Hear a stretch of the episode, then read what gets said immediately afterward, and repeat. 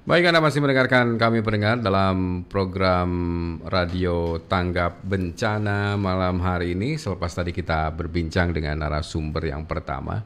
Saya sudah siapkan narasumber berikutnya. Kita ingin tahu Gunung Ciremai dari sudut pandang seorang pendaki gunung yang beberapa hari lalu juga uh, sudah melakukan pendakian ke Gunung Ciremai.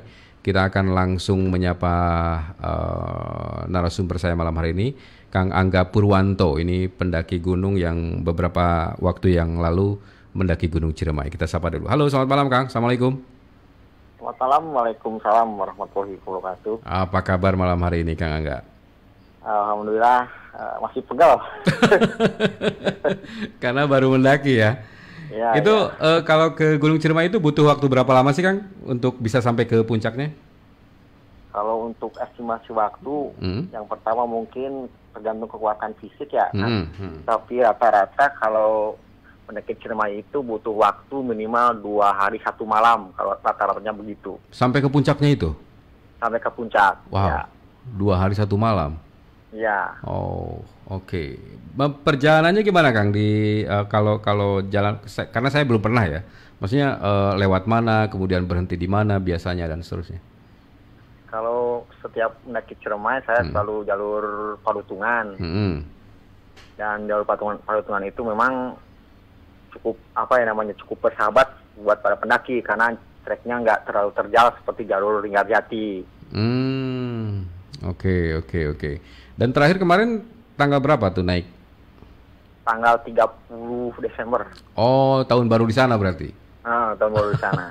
Oke, baik, Kang. Uh, program kita namanya program Radio Tanggap Bencana, Kentongan kita ya. memberi namanya. Saya ingin tahu lebih banyak mengenai kondisi sebenarnya dari gunung kita, Gunung Ciremai yang ada di Jawa Barat, di Kuningan hmm. begitu. Sebenarnya secara umum, Akang sebagai pendaki menggambarkan Gunung Ciremai itu kondisinya sekarang seperti apa sih, Kang? Kalau untuk kondisi mungkin kalau di bawah itu tetap nggak apa-apa ya, Kang. -hmm. Jadi -hmm. tetap tetap asri, tetap tetap primbun gitu, tetap seger. Hmm. Tapi hmm. kalau setelah melewati pos yang sang yang ropoh namanya kalau hmm. dari Palutungan itu ke atas hmm. itu masih gersang, masih hitam. Jadi masih masih banyak apa namanya sisa-sisa kebakaran kemarin. Oh. Terus debunya juga masih lumayan banyak. Mm-hmm. Debu itu maksudnya debu yang disebabkan dari sisa kebakaran atau? Sisa gimana? kebakaran, ya kan kalau kalau nggak nggak hujan kan kalau kalau ada matahari ada angin itu masih ada debu yang berterbangan gitu, mm -hmm. jadi mengganggu, mengganggu pernapasan sama mata gitu. Oke, okay, oke. Okay. Sebelumnya saya e, berbincang dengan apa namanya Kang Angga, saya juga berbincang mengenai hal ini ya. Salah satunya saya menyinggung mengenai kebakaran yang kadang-kadang tetap terjadi di Gunung Ciremai, hmm. Kang. Ya, Kalau ya. Kang Angga sendiri sebagai pendaki melihatnya lebih karena apa ya kebakaran yang terjadi di Gunung Ciremai itu? Apakah karena alam, gesekan-gesekan antara pepohonan atau memang karena manusianya?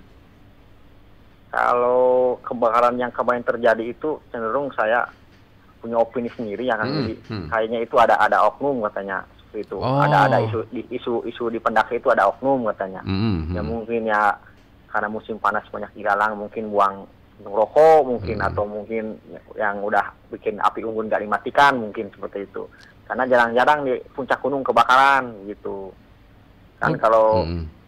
kalau apa selama ini kan uh, saya tahunya kebakaran Ciremai itu ada di wilayah kaki gunung Ciremai sebelah utara itu di dekat kebun raya Kuningan. Hmm, art artinya itu kan dekat-dekat dengan pemukiman begitu ya? Ya, kalau kalau oh. itu mungkin karena karena gesekan alam, hmm. karena kan banyak jalan juga di sana, hmm. mungkin karena panas terik jadi kebakaran dan hmm. dan apa namanya anginnya juga cukup kencang jadi terjadi kebakaran. Hmm. Tapi kalau di puncak ini baru-baru kemarin aja kalau nggak salah itu. Oke okay, oke. Okay. Kang, ketika misalnya seseorang akan melakukan pendakian, karena saya yakin akan bukan sekali dua kali lah naik ke Ciremai gitu, jadi sudah ya, paham ya. betul soal itu. Kira-kira ya. sebenarnya ada nggak sih warning misalnya dari pihak-pihak tertentu nanti kalian kalau di atas itu nggak boleh ini, nggak boleh ini, atau misalnya tidak boleh uh, lupa mematikan api bekas uh, api unggun dan seterusnya ada nggak sih uh, warning-warning seperti itu? Kemarin ada kan, ada hmm. briefing dulu sebelum sebelum puncak itu ada briefing dulu dari uh, Ranger Palutungan. Hmm. Jadi hmm. memang sekarang katanya Gunung Ciremai itu udah meniru sistem di gunung-gunung seperti Jawa Tengah dan Jawa Timur. Mm-hmm. Ada sistem booking online-nya. Oh. Terus ada apanya briefing dulu sebelum berangkat, ada mm-hmm. cek dulu barang bawaan. Jadi kalau misalkan pendaki yang tanda kutip nekat itu nggak bisa naik ke Ciremai, yang nggak bawa tenda, nggak okay. bawa sleeping bag gitu, nggak uh, boleh ke Ciremai uh. sekarang. Mm-hmm. Jadi di, di, jadi dicek dulu ya, termasuk barang bawaannya gitu ya? Dicek, termasuk di sekarang uh, dihitung apa namanya kita bawa bawa potensi sampah itu dihitung. Mm-hmm. Jadi kita bawa bawa air mineral berapa botol, bawa mm-hmm. minsan berapa botol itu dihitung. Nanti setelah turun itu ada checking lagi katanya gitu. Oh, di checking gitu. lagi. Cek lagi. Mm-hmm. Jadi itu katanya lo... untuk okay. apa namanya untuk meminimalisir sampah katanya seperti itu. Mm-hmm. Kalau uh, Kang Angga termasuk yang setuju tidak bahwa kebakaran yang disebabkan oleh manusia itu salah satunya disebabkan juga oleh teman-teman pendaki yang lupa mematikan rokok misalnya atau apa? Setuju sih Kang, setuju karena ada oknum aja itu Kang. Jadi kalau hmm. ada sekarang kan banyak apa namanya kalau saya kan memang hobi nah itu hmm, hmm.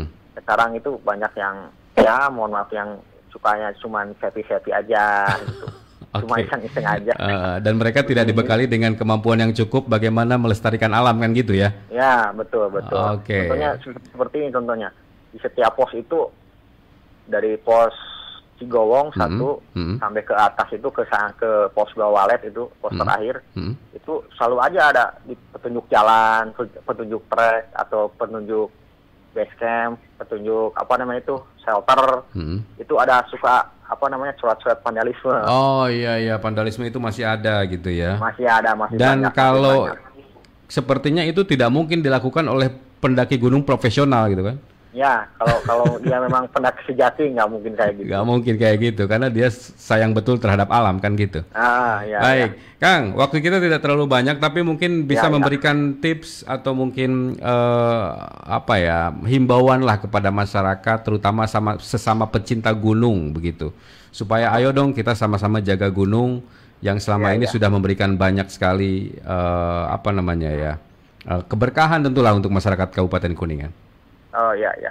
Untuk teman-teman yang ingin mendaki gunung, mm -hmm. Gunung Ciremai, yang pertama itu marilah kita lestarikan alam, jangan coret-coret, mm -hmm. sampah diperhatikan. Mm -hmm. Boleh bawa makanan ke atas, bawa minum ke atas, tapi jangan lupa sampahnya dibawa turun lagi gitu. Hmm, iya iya iya ya.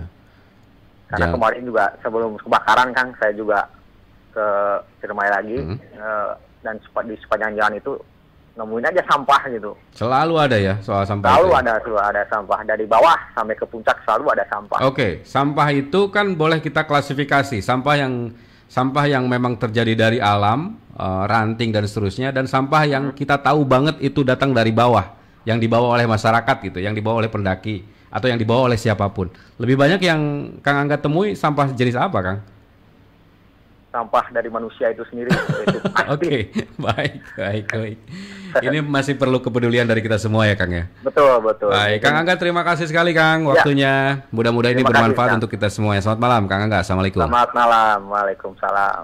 Oke, okay. uh, eh, walaupun perbincangan saya tidak terlalu panjang, tapi kita dapat poinnya bahwa masih ada dari kita sebagian yang kita senang misalnya naik gunung tapi juga membagikan sampahnya juga masih senang gitu ya. Buang sampah vandalisme dan seterusnya dan itu yang seharusnya uh, mulai dihilangkan. Saya ingin menyapa dulu beberapa yang masih bergabung uh, malam hari ini.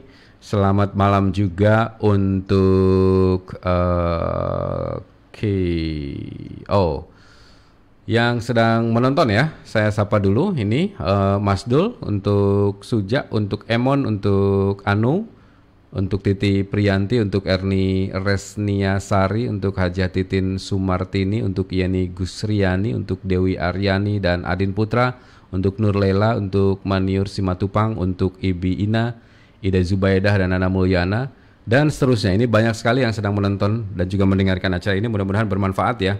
Waktu kita tidak terlalu panjang, tapi mudah-mudahan apa yang sudah disampaikan oleh dua narasumber saya. Yang pertama Kang Yaya mengatakan bahwa sebenarnya masyarakat punya kepedulian untuk buang sampah. Tapi tempat sampahnya mana?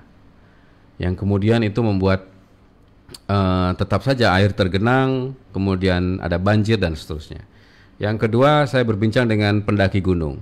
Tidak memungkiri, ada pendaki gunung yang juga misalnya lupa mematikan api, membuang puntung rokok, hmm, kemudian membuang sampah itu yang paling banyak masih dilakukan.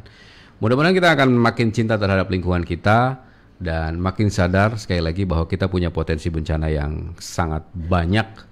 Uh, kita memang tadi fokus terhadap Gunung Ciremai, tapi juga kita paham betul di setiap daerah kita punya uh, potensi yang sama. Saya harus akhiri program radio tangga bencana malam hari ini dan um, setiap Senin, Selasa, Rabu, Kamis, Jumat kami hadir dalam program radio tangga bencana Kentongan hanya di Pro 1 RRI Kanal Inspirasi. Terima kasih Anda sudah menyimak program ini.